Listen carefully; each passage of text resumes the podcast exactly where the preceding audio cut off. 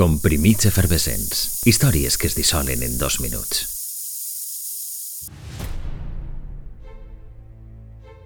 No correspon a la data de l'estrena de la primera pel·lícula, ni de la segona, ni de cap de les altres.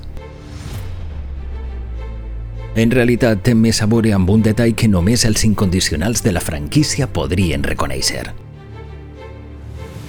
Una raó que forma part de l'origen, del punt zero de la saga, allà on ningú pot sentir els teus crits, un 26 d'abril començà a celebrar-se l'Alien Day.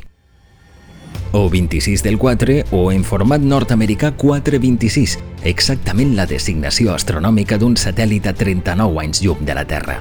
Allà acudís la nau Nostromo en resposta d'un senyal d'auxili. A partir d'ací, un univers que no ha parat de créixer.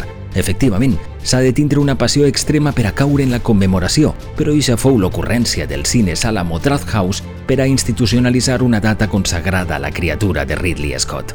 Esta segona edició de l'Alien Day servirà per a calfar motors de cara a l'estrena d'Alien Covenant, prevista per al 18 de maig.